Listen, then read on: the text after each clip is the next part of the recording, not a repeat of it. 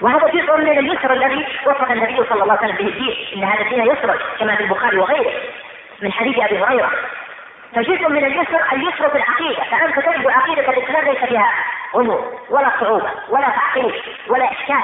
من السهل جدا على أي إنسان أن تشرح له كلمة التوحيد في عشر دقائق فينطلق وقد فهمها وعاها خمس دقائق؟ شيء طيب. لكن هذا ما هو موجود هذا مستحيل. يعني أجل التوحيد بخمس دقائق والفقه بخمس. ها؟ وعلم الحديث والتفسير على خمس خمس وبعشرين دقيقة ما شاء الله. هذا كلام مبالغة مبالغة. ولا ي... وهذا الظاهر الحامل عليه التقليل من شأن التوحيد. هو الحامل. الله يهديهم ويصلحهم. نعم.